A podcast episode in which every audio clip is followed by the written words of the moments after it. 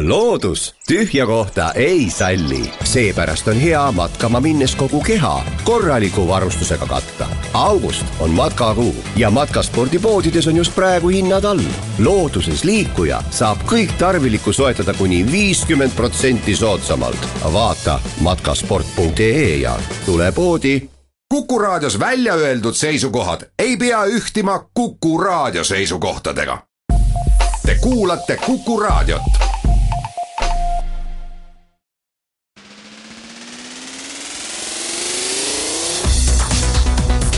Muuli ja Samost. muuli ja Samost. tere, head pühapäeva kõigile, alustame saadet Muuli ja Samost.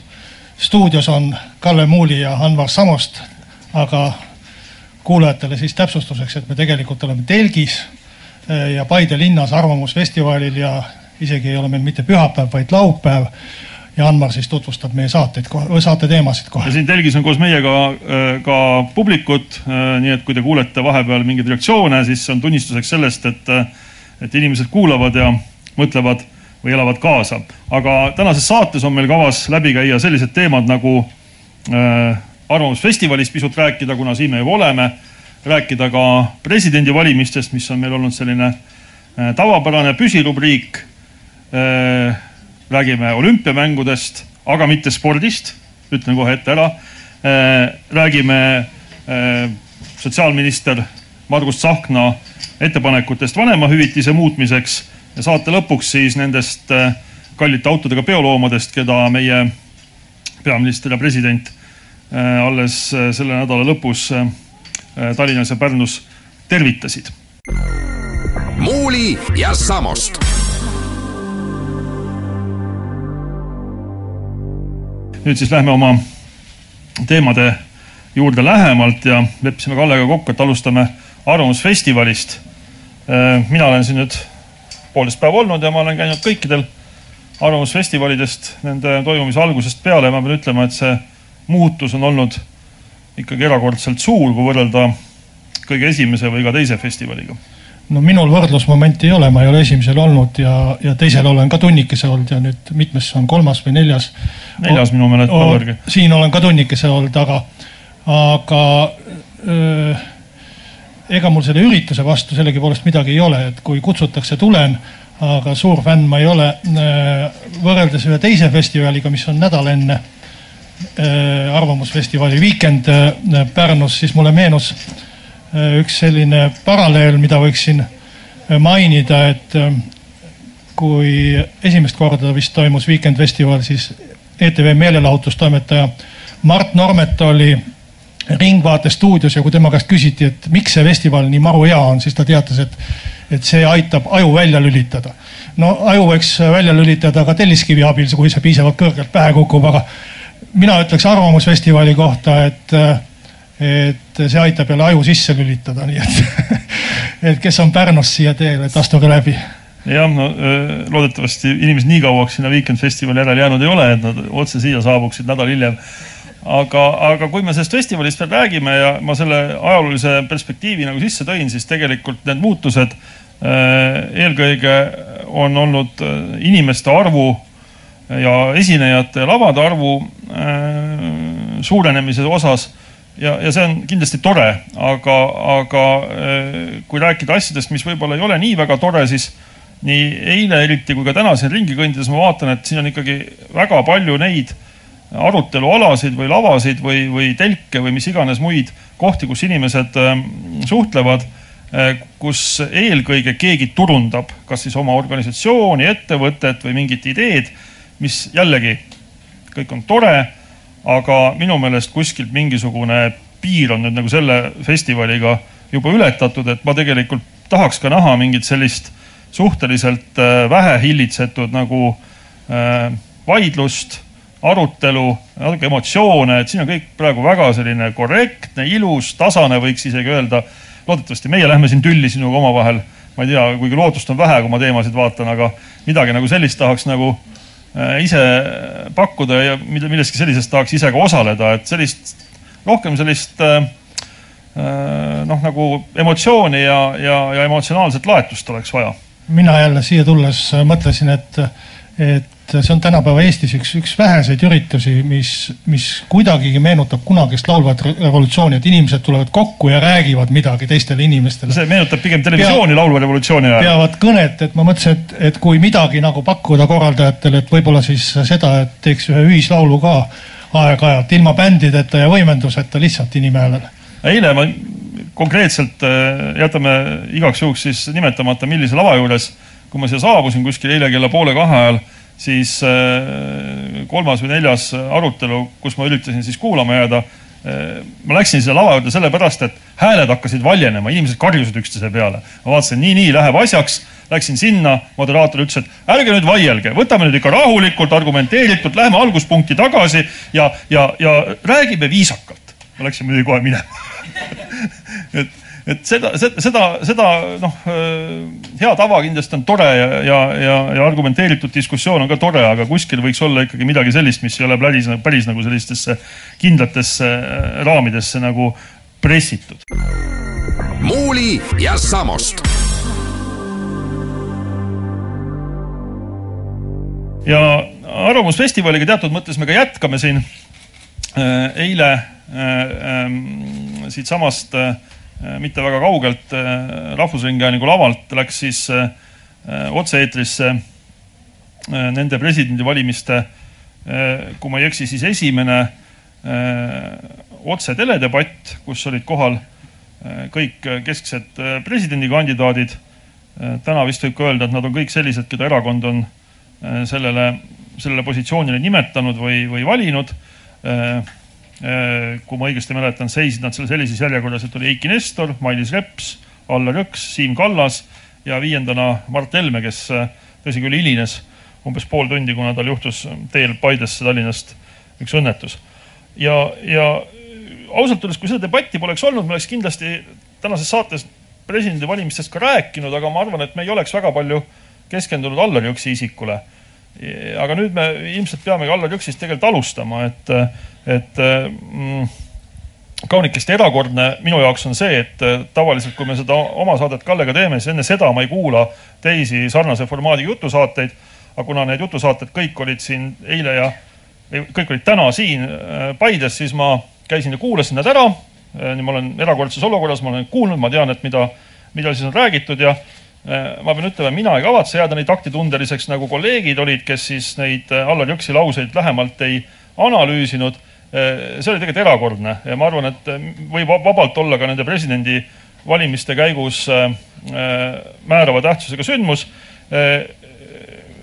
mis iganes küsimus see siis oli, millele vastates kõigepealt vastas Allar Jõks ja, ja, ja, ja tema järel Mailis Reps, siis Mailis Reps ütles, et sellest, noh, ma tsiteerin vabalt, aga üsna täpselt, ma arvan, et selles küsimuses, küsimuses ma ühtin Allar Jõksiga, et keeleliselt see ei ole võib-olla korrektne Eh, filoloogid võivad norida, aga Allar Jõks pööras selle siis selliseks allapoole vööd naljaks ja teatas, et eh, otse-eetris eh, sadade kohalviibijate ja kümnete tuhandete televaatajate silme ees siis, et mul on siin oma naine kaasas, et ma sinuga, Mailis, ühtida ei saa.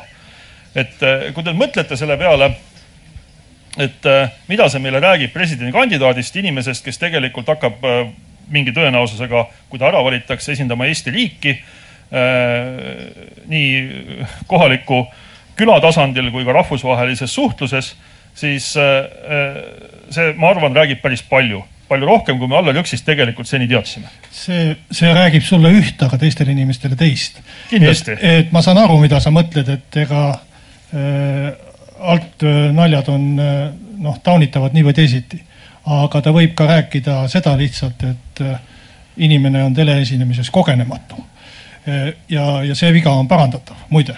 et kui, kui oleks taktitundetute naljade viskamine selline pidev, pidev iseloomuomadus või selline kalduvus, et siis seda on raske parandada, aga seda, et inimene ei ole televisioonis väga kogenud võrreldes teiste kogenud poliitikatega, poliitikutega, Siim Kallasega, Mailis Repsiga, kes on kogu oma teadlikku elu võib-olla televisioonis esinenud ja, ja tunnevad ennast kaamerate ees vabalt. mulle meenub üks teine presidendivalimiste debatt seal seisid äh, Eesti Olümpiakomitee presidendikandidaadid Eesti Televisioonis. Äh, Jüri Ratas, äh, Tõnu Tõniste, ütlesin eesnime isegi õigesti, mul läheb kogu aeg Toomasega segamini, siis ja, ja kolmas oli Urmas Sõõrumaa. ja ainus, kes neist tegelikult tundis asja, oli Tõniste, kuna ta oli olnud tippsportlane ja ka tippametnik Eesti Olümpiakomitees. aga mis sa arvad, kes seal kõige rohkem säras, säras Jüri Ratas, kes oli elupõline televisiooni esineja ja Tõniste, kes tegelikult teadis asja väga hästi ja, ja, ja oli, oli põhjalikult valmistunud, näis nii suu peale kukkunud ja nii äh,, nii krampis, et ta tegelikult ei osanud seal mitte midagi ütelda. terve debatt möödus sel, selle, selliselt, et Ratas muudkui rääkis ja Tõniste püüdis rääkima midagi hakata. et, et see võib-olla on teisest äärmusest näide või teistsugune näide, aga, aga ma arvan, et ja, ja ma möönan seda, et Jõksi esinemine oli kindlasti ebaõnnestumine, aga, aga ta, ta võis olla ka põhjustatud sellest, et, et inimene on nii vähe võrreldes teistega telekaamerate ees olnud. no aga mõtle nüüd, mis sa tegelikult praegu ütled meile siin, et eh, teleesinemine on tegelikult eh, stressirikas olukord, stressirohke olukord. Eh, ka mina võtsin siin jope maha, kuna ma arvan, et mul on juba praegu piisavalt soe, eks. adrenaliin on üleval, räägin asju, mida ma võib-olla poole tunni pärast kahetsen. aga presidendi töö ongi selline, kus stressi on palju tegelikult, avalikke esinemisi on palju, tuleb seista äh, nii tuhandete tundmatute inimeste ees kui ka üksikute, aga see-eest väga tuntud inimeste ees. Ja kui siis sellisel hetkel äh, see reaktsioon stressile on see, et inimene hakkab tegema noh, pehmelt öeldes labaseid nalju, et siis on väga halvasti tegelikult, et see, mida sa kirjeldasid Tõniste puhul, see, et inimene oli tele-eetris, kus ta tihti ei ole käinud ja seetõttu Äh, oli vähe initsiatiivikas, ma ise ei näinud seda, ma nüüd äh, sinu kirjelduse järgi räägin, eks ju, või oli vaikne või, või siis noh, rääkis kuidagi äh, vähese. no pilt oli nii, et seda venda ma kindlasti ja, ei valiks. aga noh, iseenesest mina eelistaksin seda reaktsiooni sellele, et kujutame tõesti ette, et Allar Jõksil on kohtumine mõne naissoost riigipeaga Äh, kes on suure riigi esindaja. no ma loodan, et tal on oma abikaasa ikka kaasas. Äh, sellistel kohtumistel tavaliselt abikaasad on eraldi kuskil, eks. et, äh, et ja, ja ta peab midagi olulist ütlema ja täpne sõnastus läheb meelest ära, igaks juhuks teeb väikse nalja. et, et ma ausalt öeldes ei tahaks, et Eestit esindaks president, kes sellises olukorras võib millegi sellisega hakkama saada, et ma, ma, ma, ma üldse ei usu tegelikult, ma arvan, et Jõks on sellest õppinud, kindlasti ta on praeguseks juba ka vabandanud Mailis Repsi ees, see on kõik väga õige ja väga tore, aga kui me räägime debattidest ja siin on tegelikult ka küsitud seda küsimust, et milleks me neid debatte üldse korraldame, et meil on ju äh, valimissüsteem on selline, et kas siis Riigikogus sada üks inimest või koos äh, vallavolikogude poolt nimetatud esindajatega valimiskogus kolmsada kolmkümmend mis iganes inimest, eks, valivad, et miks me neid debatte teeme. debatti tehaksegi selleks, et näha, mismoodi inimene käitub, kui ta on tegelikult äh, surve all, kui ta on mingisuguses stressisituatsioonis, näha tema reaktsioone, tema, tema reflekse, kui soovite tegelikult. sest et tihti sellises olukorras sa ei jõua mõelda, mida sa ütled, sa ütled seda, mis su seest tegelikult täpselt tuleb. ja antud juhul me nägime, et sealt ei tule midagi eriti toredat. no mina võiks äh, ütelda nii, et ma olen ja võib-olla oleks pidanud seda kohe algul ütlema, et ma olen mõnevõrra erilises olukorras, kuna ma olen. kas sa oled eri... Ahvel Jõksi toetusküsimuse allkirja ära andnud? üks hetk, ütlen seda ka, et erinevalt, erinevalt paljudest teistest ma olen presidendi valija ja, ja saan reaalselt nuppu vajutada ja, ja pärast ilmselt ka kätt tõsta, kui, kui nupu vajutamisest ei piisa. seda ei valita nupuga, seda valitakse sedeliga ja kabiinis. aga ja paar päeva tagasi andsin oma toetusallkirja Allar Jõksile, nii et see on olen... ka väike uudis tänases saates siis, et ühesõnaga IRL-i fraktsiooni liikmed on oma allkirjad mitte, paberile ära andnud. mitte ainult, seal olid ka Vabaerakonna liikmete allkirjad, me ei andnud fraktsiooni mitu, kaupa, vaid. mitu allkirja siis on? no eks ta muutub, ega ma ei, sel, sel hetkel olid poole, pooled kohad. kakskümmend üks on olemas? ma arvan, et praeguseks hetkeks on jah. et, et see selleks, ma tahaks ütelda seda, et me oleme mingis mõttes väga heas või õnnelikus olukorras. et et äh, minu meelest kõik need kolm kandidaati, kes äh, tõenäoliselt Riigikogus kandideerivad, Siim Kallas, äh, Mailis Reps, Allar Jõks, kõik on sellised kandidaadid, kelle poolt mina vähemalt julgeksin rahulikult hääletada. mitte midagi Eesti, hullu Eesti riigiga ei juhtu, kui üks neist saab presidendiks. ja, ja äh, ma julgen seda väita sellepärast, et ma tunnen neid inimesi aastaid isiklikult. Kallast vist üle kahekümne aasta, kindlasti enne rahareformi. ma arvan, et Kallast tunnen vähemalt kakskümmend viis aastat. Aller Jõksi umbes aastast kaks tuhat. ma olen ka eraeluliselt temaga palju kokku puutunud, mänginud ühes jalgpallimeeskonnas temaga jalgpalli, mänginud tema vastu tennist ja, ja käinud temaga koos kohtus tunnen läbi ja lõhki ja Mailis Repsi võib-olla vähem, viimased ütleme kolm-neli aastat Õpetajate Lehes palju koostööd sai tehtud ja, ja viimase aasta olen temaga koos veetnud ühe laua taga kultuurikomisjonis, väga kogenud poliitik, väga hea haridusspetsialist. Nii et mul ei ole nendest äh, ühe ega teise ega kolmanda suhtes mingeid kõhklusi ega kahtlusi. aga presidendiks saab see, kelle suhtes on võimalik kokku leppida erakondadel ja sellepärast ma arvan, et Jõks on üks paremaid kandidaate ja ma toetan teda, sest Kallase ja Repsi suhtes on väga raske Riigikogus kokkulepet saada. seda näitab ka noh, see, et Jõksi suhtes on juba mitu erakonda äh, toetust avaldanud, et ma arvan, et. pean siin lisama muidugi, et ma arvan, et ka Jõksi suhtes on Riigikogus erakordselt raske kokku leppida. no eks kõigi suhtes, aga, aga. olukord ei erine. aga ma toetan Jõksi ka, üks põhjus, miks ma Jõksi toetan, on ka see, et, et ta on erakondade väline või ülene ja see on ka tema nõrkus muide teisest küljest. see, mis on tema tugevus ühtlasi nojah, mis, mis puudutab nüüd presidendivalimisi natuke laiemalt, kui me siit eilsest äh, debatist äh, nagu eemale läheme, siis äh, ega nagu suuri arenguid selle nädala jooksul olnud ei ole, et on räägitud sellest, et mida Keskerakond teeb, kas Riigikogus siis või valijameeste kogus.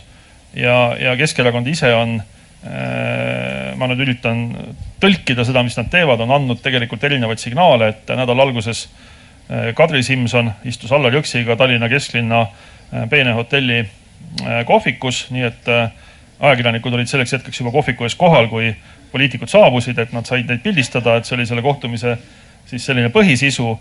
kohtumise korraldajaks oli Keskerakond, et kui siin ka kirjutati, et see oli Äh, Allar Jõksi kutsutud või Vabaerakonna või IRL-i kutsutud, siis ma saan aru, et tegelikult kutsujaks oli Keskerakond. ja teisest küljest me oleme ka siin lugenud ajakirjandusest äh, ühe suhteliselt olulise ja viimasel ajal äh, päris kõvasti esile tõusnud keskerakondlase Raimond Kaljulaiu juttu, kus ta ütleb, et Jõks ei kõlba üldse mitte kuhugi. teisest küljest siis ähm, üks teine keskerakondlane käib ringi ja räägib, et Jõks on peaaegu et vaata et parim kandidaat.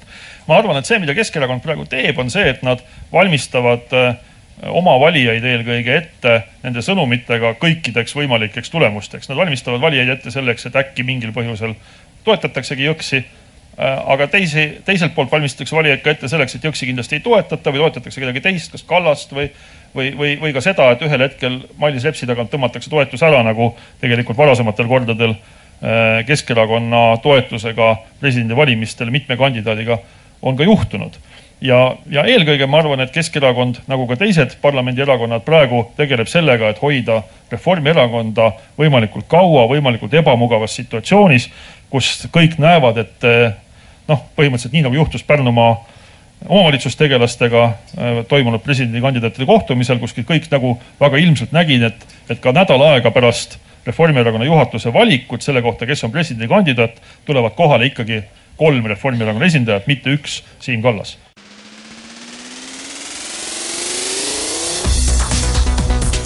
Muuli ja Samost. muuli ja Samost. ja edasi lähme siis äh, olümpiateemadel. mina ütlen ette ära igaks juhuks, et spordist ma ei tea midagi ja, ja sel teemal äh, kindlasti mingit seisukohti ei oma, aga meil on plaan rääkida hoopis sellest, et äh, kuidas me siin Eestis suuri spordivõistlusi ja eelkõige siis olümpiamänge näeme, et äh, seekord on siis esimene kord Eesti ajaloos, kus olümpiamänge ei näe mitte ainult ETV-st või Rahvusringhäälingust, vaid neid on võimalik jälgida ka eratelekanalite vahendusel ja osa nendest kanalitest on lisaks kõigele veel mitte otse-eetri kanalid, tasuta free-to-air kanalid, vaid nad on tasulised kanalid, mille vaatamiseks tuleb siis eraldi juurdepääs raha eest osta. ja võib tunduda, et selline muutus on iseenesest kuidagi halb, aga, aga kui me siin edasi arutame, võib-olla me jõuame tulemuseni, et ei olegi. noh, ega, ega seal midagi paha ka ei ole, kui Eesti Televisioon näitab. probleem on ainult selles, et äh, see maksab, see maksab äh, miljoni või, või rohkem või natuke vähem, sõltuvalt sellest, kus kohas need olümpiamängud toimuvad. Äh, üks asi on õiguste ostmine ja teine asi on veel ülekande tegemine. ja, ja need summad ei ole tõesti väikesed ja siis tekib küsimus, et äh, milleks meil äh, Rahvusringhääling on, mis tema ülesanded on ja kas ta peaks äh, nii palju meelelahutussaadetega tegelema või nii kallite meelelahutussaadetega tegelema, nagu on olümpiamängud, jalgpalli maailmameistrivõistlused, jalgpalli Euroopa meistrivõistlused, mis sel suvel olid. et põhimõtteliselt, kui sama asja saaks vaadata kommertstelevisioonist ilma maksumaksja raha kulutamata või siis kulutades maksumaksja raha millegi, millegi muu näitamiseks Eesti Televisioonis. et minu meelest oleks see täitsa arutamist väärt mõte, et Rahvusringhääling ei pea ilmtingimata pürgima nende, nende meelelahutussaadete ja sporti ma pean ikkagi meelelahutuse osaks näitajaks. samas kui me mõtleme, et mida Rahvusringhääling või Eesti Televisioon spordist peaks näitama ja midagi ta peaks näitama, eks ju, siis minu meelest peaks need olema ikkagi välismaalt näitama, ma mõtlen, on Eesti sportlased tiitlivõistlustel või Eesti rahvuskoondiste võistlused, noh, ma ei tea, korvpall, võrkpall, jalgpall, mis iganes häid võistkondi meil on, nende kas rahvusvahelised kohtumised või, või kohtumised tiitlivõistlustele pääsemiseks, tavaliselt nad ei pääse sinna tiitlivõistlustele, aga aga vahel siiski. et, et see oleks see asi, mis peaks olema garanteeritud. samas, kui keegi teine seda näitaks, siis ma ei näe, et, et seda peaks ilmtingimata Rahvusringhääling tegema. aga, aga veider oleks ka see, kui meie sportlane läheb olümpiale või ka siis, kui läheb meil null sportlast olümpiale ja me olümpiamänge üldse ei näe, elame nagu kotis või peame Soomest neid vaatama. et see oleks jälle, jälle teine äärmus, et et mu meelest, kuna olukord on nende õiguste müügiga muutunud ja enam ei ole äh, nii-öelda ebu monopoli, monopoli või, või Rahvusringhäälingu monopoli, et äh, eks see olukord tahab äh, selgeks rääkimist ka äh, telejuhtide vahel. aga need on muidugi nii pika vinnaga asjad, et praeguseks on ju ära tehtud Rahvusringhäälingu poolt pakkumised juba aastani kaks tuhat kakskümmend ja kaks tuhat kakskümmend neli olümpiamängudeks on minu meelest pakkumised juba teele läinud nojah, selles mõttes, kui sinu nagu sellest vaatest, millega ma olen nõus lähtuda, siis tõesti ju ka olümpia puhul äkki peaks üritama jõuda selleni, et Rahvusringhääling näitab siis neid rahvast äh, ühendavaid hetki, kas siis neid kohti, kus äh, Eesti sportlased lihtsalt võistlevad või siis neid kohti, kus Eesti sportlased on medali pärast konkureerimas. aga niimoodi neid õigusi vist päris ei müüda, et ma ei kujuta ette, kuidas Äh, kuidas näeks välja see läbirääkimiste viis, et äh, Eesti Rahvusringhääling läheks olümpiakomitee juurde või kes iganes neid õigusi haldab ja ütleks, et me soovime osta umbes äh, viit paari tunni pikkust sellist nagu slotti ja neid ainult näidata, et ma kardan, et võib-olla isegi kui see peaks võimalik olema, tehniliselt ta kindlasti on, siis nende paari nagu tüki hind läheb lihtsalt nii kõrgeks, et lõppkokkuvõttes võib olla odavam osta kogu see täispakett. kuigi noh, ma möönan, et kui vaatame seda, et kui kalliks tegelikult kõikvõimalikud spordiõigused maailmas on läinud. Et äh, muide siin telgis salvestuse all meil kaks Rahvusringhäälingu nõukogu liiget, et siin Kalle istub minuga koos, aga te, telgis vaatab üks teine veel, kellega ma sel nädalal rääkisin sel teemal, et ma loodan, et ta ei pahanda, kui ma seda vestlust pisut refereerin, et. et ta on kindlasti pädevam kui mina selles asjas, et, et ma saan aru, et ka näiteks BBC, kes on üks maailma kõige võimsamaid rahvusringhäälinguid, et nemad on läinud seda teed, et teatud Briti Äh, väga traditsiooniliste spordialade nagu jalgpall lõikes nad äh, ostavadki ainult mingeid finaalvõistlusi, mingeid väga üksikuid tippvõistlusi, noh, ühesõnaga võistluste tippmänge, mida siis näidatakse, mis siis on need rahvast nii-öelda koos emotsionaalselt ühendavad hetked televiisori või arvuti või mobiili või mis iganes muu seadme ekraani ees, aga kommerts või siis eraõiguslikele äh, Äh, ringhäälingutele jäetakse võimalus näidata, maksta väga palju raha ja näidata siis nagu pikalt neid, neid muid mänge. noh, äh, tänavu suvel need Euroopa meistrivõistlused jalgpallis, mida ma mainisin, seal ju Eesti võistkonda ei olnud, jalgpallimeeskonda. Äh, Eestit ta kuidagi ei puudutanud, samas Eesti kanalitelt kuskilt oleks pidanud ta nähtav olema. aga see kanal kindlasti ei oleks pidanud minu meelest olema Rahvusringhääling täiesti vabalt oleks võinud selle usaldada, ma ei tea, TV3-le, kes tegelikult ju vist tahtiski aga siin tekivad muud probleemid. Eesti Televisioonil on suhteliselt suur sporditoimetus, mis siiamaani ongi olnud suur ja võimas sellepärast, et selliseid asju on näidatud. mis sa nüüd sellega teed, koondad ära või ütled inimestele, et äh, teate, te olete väga tublid küll, head ajakirjanikud ja me siin peame teid üleval ja pääsete eetrisse. aga siis, kui tulevad olümpiamängud, siis sinna me saadame kedagi muud sealt TV3-st, Kanal kahest. Teie tehke siin kodumaiseid asju, käige Elvas ja Otepääl. et, et noh, see tekib, tekitab ka sellise olukorra, et sa pead siis äh, sporditoimetust vastavalt hoidma, kas, kas sul on selline toimetus, kes suudab katta suurvõistlusi, olümpiamänge, mis iganes. või sul on selline toimetus, kes sõidabki eh, bussiga või mootorrattaga no, Elvasse ja teeb sealt eh, reportaaži ära. ma pööraks selle küsimuse teistpidi, ma küsiks vastu, et et kas TV3-l või Kanal kahel on, on üldse sellist ajakirjanduslikku võimekust, et saata oma ajakirjanikke kajastama. TV3 näitab kergejõustikku praegu. kogu olümpiamängude seeriat ja midagi muud sellist, et ma, mina arvan, et tegelikult see on neil ainult väliste jõududega võimalik ja väga suurte pingutustega. aga mis on sellest veel olulisem, on see, et ma ei ole ka sugugi kindel selles, et eh, kui ühel hetkel ongi tõesti olukord, kus Rahvusringhääling ütleb, et meie siis, ma ei tea, neid jalgpalli maailmameistrivõistlusi või äh, olümpiamänge või midagi muud sellist, et me ei osta viidates ka seejuures rahale, eks ju, ja, ja, ja muule, et siis ka tegelikult need teised äh, vabas eetris, vabalevis olevad äh, Eesti telejaamad, et nad ei ütle, et aga vabandage, et meil ka raha ei ole selle jaoks, et Eesti turult ei ole lihtsalt võimalik reklaami müües nii palju raha kokku korjata, et kallis Eesti rahvas, me saaksime teile seda väga äh, toredat spordisündmust üldse näidata. Ja siis tulebki vaadata Äh, noh, ma ei tea, mingite naaberriikide kanalitelt, kui sealt üldse peaks asi kättesaadav olema, kuna see geograafiliste õiguste piiramine on ka ikka tegelikult äärmiselt äh, noh, ikka juriidiliselt võiks öelda, et lausa perversse hoo sisse saanud. ma ei taha siin etteheiteid hakata tegema, et miski on jube viletsasti, lihtsalt aeg on selline, kus tulekski hakata arutama, et kuidas seda sättida ja kuidas seda teha aga, aga mis on nagu viletsasti, on see, kui, kui need otsused jäävad ETV sporditoimetuse tasandile. et see ei ole kindlasti see koht, kus peaks, peaks nagu eh, see viimane instants olema ja, ja lõplik tõde olema, et sellepärast noh, sellepärast on paljud asjad eh, ligad ja joogad, et me võime vaadata talv läbi äh, igat äh,, ma ei mäleta, kas nüüd igat, aga, aga suusa maailmakarika ma, ma, maailmakarika etappi murdmaasuusatamises, kus Eesti naised ja mehed on seitsmekümnes koht ja tagapool. ja tegelikult nagu midagi sealt vaadata meil ei ole. kulutame suure hulga raha või vaatame eh, kolm suve järjest Tour de France'i, kus eh, kah kedagi õieti vaadata ei ole, vähemalt, vähemalt viimases otsas.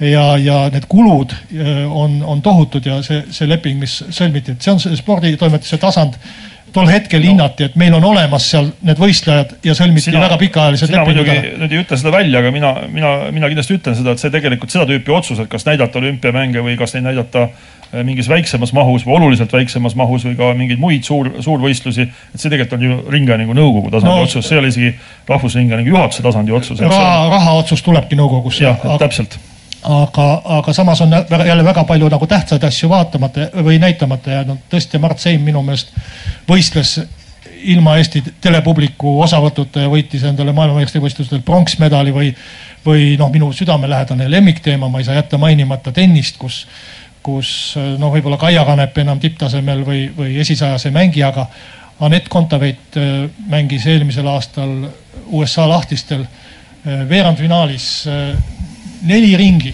no mitte üks, üks Eesti, Eesti telepilt ei näita, et selles mõttes äh, noh, tahaks asi küll äh, palju suuremat äh, sellist läbimõtlemist kui ainult see, mis ETV sporditoimetus üksi omaette kuskil toas pungestab. ühesõnaga, need olid Muuli ja Samosti spordiminutid, tervitame siitkohalt Pahvi, Martinsoni ja Paju. mehed ei nuta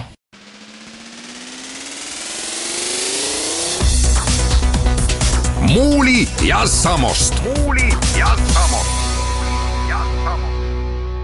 ja tuleme poliitika juurde tagasi. Äh, äh, Margus Tsahkna äh, tegi avalikuks siis sel nädalal ühe algatuse, mida ta algselt vist plaanis avaldada seal suve esimeses pooles, enne jaanipäeva juba, aga hindas tõenäoliselt poliitilist olukorda ja praegu tundub, et hindas siis nagu õigesti ja tuli vanemahüvitise reformimise ettepanekutega välja alles sellel nädalal ja, ja, ja, ja ma ei tea, kas me neist ettepanekutest siin väga palju vaielda saame, sest et sina kindlasti ütled, et need on head ettepanekud. Need on head ettepanekud. ja, ja ma ilmselt väga vastu ei vaidle, seepärast et eks sellest vanemahüvitise paindlikumaks muutmisest on räägitud nüüd palju ja tõsiasi on see, et sel hetkel, kui vanemahüvitis Eestis kehtestati, emapalk, emapalga nii-öelda brändi all, et siis tegelikult me olime olukorras, kus sellist asja polnud Eestis enne olnud ja see muutus, mis tuli, oli väga suur tegelikult. Nüüd me oleme siis vist kaksteist aastat või? kaks tuhat neli, esimene jaanuar hakkas jah, kehtima. kaksteist aastat me oleme siis nagu äh, saanud kasutada seda vanemahüvitist äh,. kümned tuhanded pered on sellest nagu noh, tulu saanud ja kindlasti nii pika aja jooksul äh, esiteks maailm muutub, Eesti on muutunud, inimeste vajadused on muutunud ja on ka selgunud mitmed nagu asjad, mis selle vanemahüvitise juures muutmist vajavad ja nüüd enam-vähem see pakett kujutabki endast sellist äh, kokku kogutud äh, muutuste, vajalike muutuste nagu komplekti, mis tegelikult äh, noh, ma arvan, et äh, võiks enam-vähem kõik ära teha. Seal on äh, noh, kaks sellist kõige suuremat muutust, üks on see, et äh, lapsevanem võib edast-, edaspidi äh, tööl käia vanemahüvitist saades, siiamaani oli see tööl käimine piiratud saadud sissetuleku summaga, see on siis eelmise aasta miinimumpalk ehk kolmsada üheksakümmend eurot oli see piir, kui üle selle läks, siis vanemahüvitis vähenes ja mingil hetkel kadus täitsa ära ja teine on siis äh, aeg, mille jooksul sa saad seda vanemapuhkust koos hüvitisega võtta, on iseenesest vanemahüvitise maksmise aeg on poolteist aastat, aga siis sa võid ära jagada ta kolme aasta peale, võtta suvalisel ajal, aga ma ütleks, et kõige parem selle ettepanekute juures on see, mida seal ei ole tegelikult ja mida, mida hirmsasti võitlevad feministid tahtsid, et seal oleks. Ja mida minu õnneks äh, ei ole sotsiaalministeerium sinna sisse jätnud ja see mida taheti hirmsasti muudatusena läbi suruda, oli kohustuslik isapuhkus. tegelikult isal on ka selle paketi sees siiski kuu aega öö, puhkust ette nähtud. aga miks see siis hea on? aga, aga, aga mõte oli selles, et öö, kuna paljud arvavad, et vanemahüvitis, kuna teda kasutavad põhiliselt siiski emad, mis on mõistlik minu meelest et, et üheksakümmend protsenti ja rohkem vanemahüvitisest läheb naistele et, et see soodustab siis, ma ei tea, palgalõhet, naiste kauem töölt äraolekut, kvalifikatsiooni langust ja muid selliseid asju. ja, ja no mis mõtte peale feminist sellist juttu ajades ikka tuleb, ta tuleb, et järelikult peaks nagu mees ka puhkama, et tema kvalifikatsioon ka langeks, et, et tema palk ka langeks ja, ja sellest on siis peredel maru hea olla, tuleb välja, et, et et äh, tegelikult ju see, kui sa kehtestad äh, kellelegi sellise kohustusliku puhkuse, et isa peab puhkama pool sellest vanemahüvitise ajast, siis see tähendab ju tegelikult äh, naisele või emale kohustusliku tööl käimise sunduse kehtestamist ta peab siis ju tööl käima, juhul kui ta ei taha tõesti, et pere, pere sissetulek äh, väheneb. nii et äh, minu meelest minna seda teed, et me hakkame pereellu nii palju sekkuma, et me ütleme, et nüüd sina pead puhkama, nüüd sina pead tööl käima ja, ja nüüd sina oled leivateenija, sina ei ole leivateenija. et äh, Tsahkna on läinud vastupidist teed, et ta on nagu vabamaks seda asja teinud ja minu meelest see on õige, et nii nagu inimesed ise seda sätivad, nii on ka kõige parem. et on peresid erinevaid ja, ja elusid erinevaid ja ja vanemahüvitise eesmärk ei olnud äh, palgalõhe kaotamine, ei olnud äh, sotsiaalse võrdsuse ega mingisuguste selliste asjade tekitamine, ta oli äh, laste ja, ja last, väikeste lastega perede turvatunde ja, ja selle sissetuleku säilitamine. ja, ja seda eesmärki ta täidab jätkuvalt. noh rahvastiku kasvule ei ole ta väga palju enam viimasel ajal kaasa aidanud, ehkki algul vist natuke aitas. no see, kuidas äh, äh, sotsiaalminister selle ettepaneku välja tõi, äh, kõigepealt avalik nii-öelda tutvustus ja seejärel plaan viia see valitsuskabineti istungile. see on selline klassikaline poliitiline taktika panna koalitsioonipartnerid mingisuguse sellise fakti ette, panna nad ka kergelt surve alla. aga üksi see minu meelest äh, ei selgita seda, mispärast siis äh, Reformierakond nii äh, valuliselt on siis sel nädalal nendele ettepanekutele reageerinud. kas sa saad aru, millest probleem tegelikult võiks no, olla? üks probleem see on see, et Reformierakond äh, arvab, et nendel on selline vane, vanema, vanemahüvitise nagu autoriõigus see kunagi tuli nende eestvedamisel, nende asi ja nad olid, on püüdnud seda hästi lihtsa ja selge teha, et et kõik saavad sedasama palka, mis nad enne teenisid. noh, sisuliselt mingeid lagesid ega, ega piiranguid ei ole ja mingeid erandeid ei ole.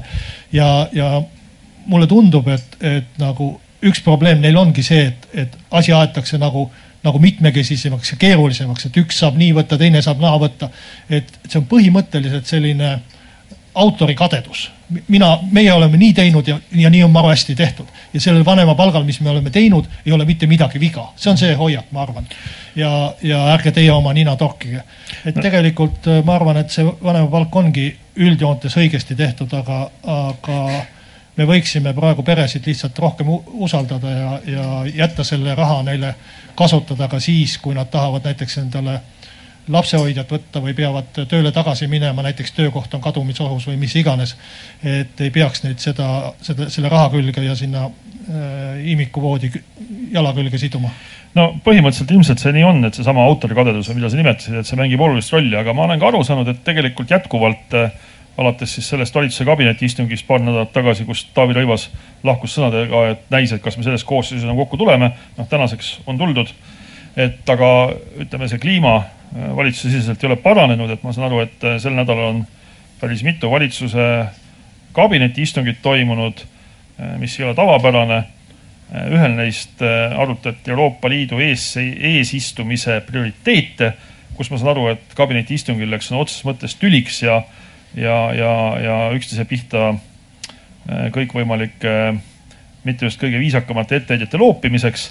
ja teine oli siis see kabinetiistung päev hiljem, kus äh, oli tegelikult isegi lausa valitsuse välisistung vist. see oli valitsuse, vabandust, see oli kabinetiistung, see oli valitsuse välisistung, kus arutati elektrituruseaduse muutmist ja elektrituruseaduse muutmisega mitte kuhugi ei jõutud, valitsuse istung läks üle aja ja ma saan aru, et see on nüüd, sellest on tekkimas üks nagu suurem tüliküsimus Äh, mis on huvitav just selle poolest, et seal tegelikult on nagu kõigil kolmel erineval valitsuse osapoolel on üsna erinevad seisukohad sellesama äh, seaduse muutmise osas. no minu meelest äh, see valitsus, kus ei vaieldud ja ei tülitsetud, oli, oli Eestis siis, kui ei olnud Eesti iseseisvust veel, oli ENSV valitsus. Seal, seal oli, seal oli rahu majas. nii nagu Vaino ütles, nii oli. aga, aga eks vaidlusid ja tülisid on igasuguseid. ma, ma arvan, et, et see, et valitsus vaidleb ja tülitseb, on väga hea. Mis on halb ja, ja ma saan aru, kuhu sa tüürid, halb on see, et vähe otsustatakse või otsustamist lükatakse edasi nende vaidluste ja tülide tõttu. et tegelikult peab äh, mingil hetkel olema keegi, kes otsustab või, või valitsus, kes otsustab, et, et vaidlused ja tülid on head, aga kuskil peavad tulema otsused ka. jah, täpselt nii on.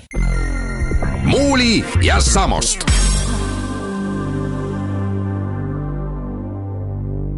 ja tänase, ma kordan, Arvamusfestivalil salvestatava saate viimase teemana. Mõtlesime, et tuleme veel kord tagasi äh, selle, ma ei oskagi seda nimetada, ma kord olen raskustes, kuidas seda kirjeldada, siis äh, kallite autodega Eestile äh, lõbureisile tulnud äh, seltskonna juurde. et rahvas kogu tõde teaks, ma pean ütlema, et Anvar on suur autohuviline ja sõidab ise suviti ka mingisuguse väga eriskummalise autoga ringi. mis ei maksa kaugeltki seda raha, mida nüüd võiks mõelda selle sissejuhatuse põhjal, eks. aga ühte, üht-teist ma autodest tean ja, ja seetõttu ma võin siin isegi poolest isegi eksperdina esineda. peaminister äh, äh, ei loobunud, vaatamata talle osaks saanud laialdasest kriitikalainest Äh, Stenbocki lossis välja lubatud ekskursioonist siis äh, nendele umbes neljakümnele äh, Eestisse meelt lahutama saabunud valdavalt mehele.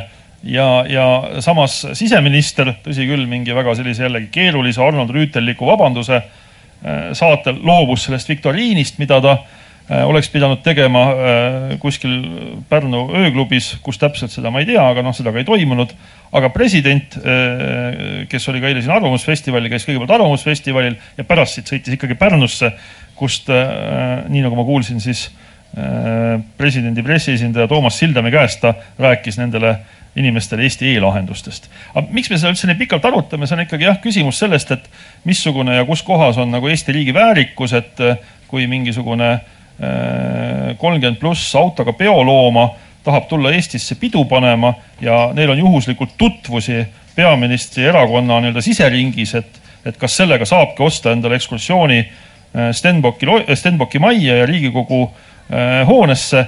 Ja, ja kui see nii on, et mis me siis, kas me peaksime ütlema, et see on fine, et noh, et tegemist on ju nagu peaminister on püüdnud terve nädala tõestada välisinvestorite ja ettevõtjatega ja Eesti majanduse jaoks väga oluliste isikutega, et, et selles osas päris lõbus oli see Aktuaalse kaamera lõik, kus siis ajakirjanik püüdis saada kinnitust sellele, et kas siis kohe läheb suuremaks investeerimiseks ja, viimane intervjueeritavast ütles, et ja, ja muidugi, aga et enne seda väike party ja väike race. no me, me ei pea ütlema, et see on fine, aga minu meelest see kajastus on natukene üle pingutud, et tegemist ei ole ju äh, mingi korruptiivse tehinguga, tegemist ei ole mingisuguse äh, nii-öelda peaministrile maksmisega ega muude asjadega. tegemist on maitse küsimusega. minu meelest äh, ma pean ütlema, et hea maitse see ei ole. Äh, me võime ette kujutada noh, milliseid kalleid hobisid veel võib olla peale autode kogumise, võib-olla maali kogumise. ma tean paari äh, inimest, kes, kelle, kelle maalikogud on kindlasti rohkem väärt kui kõik need autod kokku. küsimus pole autodes ega maalides. küsimus on hoopis selles, kuidas need asjad toimuvad võime kujutada ette peaministrit kohtumas margikogujatega või mis iganes. et tegelikult mida, mida peaminister. margikogujate tema juurde toojateks on parteis erakordselt olulisel kohal oleva isiku vend. see, mida, mida peaminister ja president sellisel juhul teevad, kui nad kellegiga kohtuvad ja nad ei aja mingit oma otsest noh, tööasja, mingit, mingit seaduse, mingit ettevõtte asja, nad avaldavad sellele inimesele või, või seltskonnale, kellega nad kohtuvad, nad avaldavad sellega nagu riiklikku tunnustust. kui president läheb äh, hotelli avamisele, siis ta tunnustab seda hotelli ehitajat, hotelli omanikku, keda iganes. Et see on selline üks äh, odavaim ja lihtsaim viis riigil oma tunnustust avaldada edasi tulevad äh, mälestusesemed, äh, tänukirjad, äh, teenete märgid ja, ja lõpuks no,. see veel puuduks, et mõni neist oleks ordeni saanud. ja, ja, ja lõpuks ka, et nüüd on küsimus selles tegelikult, Anvar, et kellele peaminister ja president seda nii-öelda riiklikku tunnustust oma kohtumise kaudu avaldama. no ja mis viisil ikkagi seda tunnustuseni jõutakse? ja, ja minu meelest ja mis, mis viisil ka jõutakse, eks ju, kas see on kuskilt neutraalne ettepanek või mis iganes. ja, ja minu meelest ma olen sinuga nõus selles, et tegelikult noh, ütleme sellisele autodega edvistajate seltskonnale eh, tunnustuse avaldamine Eesti riigi poolt on maitsetu ja, ja seda, seda ei peaks tegema. et see on nagu piiri tõmbamise küsimus, et kuhu me selle teeme, et kas, kas, kas see, kui kriminaalkurjategija Neinar Seli ehitab Tartusse hotelli, kas tema nagu hotelli avamise tunnustamine on maitsekas või ei ole maitsekas ja kes sinna läheb ja kes ei lähe, need on sümbolite ja, ja märkide küsimus ja, ja palju riigielust ongi selline sümbolite, märkide küsimus. see oli selgelt äh, alt lati minu meelest nii peaministri kui presidendi poolt. noh, presidendile veel ei ole ta erakondlikult ka kuidagi seotud, et täiesti arusaamatu, aga, aga iseenesest ma arvan, et äh, et Eesti riigijuhid, president ja peaminister kindlasti peaks äh, ka kommertslikel ettevõtmistel osalema ja, ja selle kaudu äh, näitama välja, mida nad äh, heaks peavad ja mida nad ei pea nii heaks, kuhu nad lähevad ja kuhu ei lähe. praegu on nagu see väga sassi aetud ja sellest on kahju. sellega me oma salvestatud saate siin Arvamusfestivalil lõpetame. raadiokuulajatele ütlen, et kuulake meid taas Kuku raadioeetris nädala pärast ja kõike head.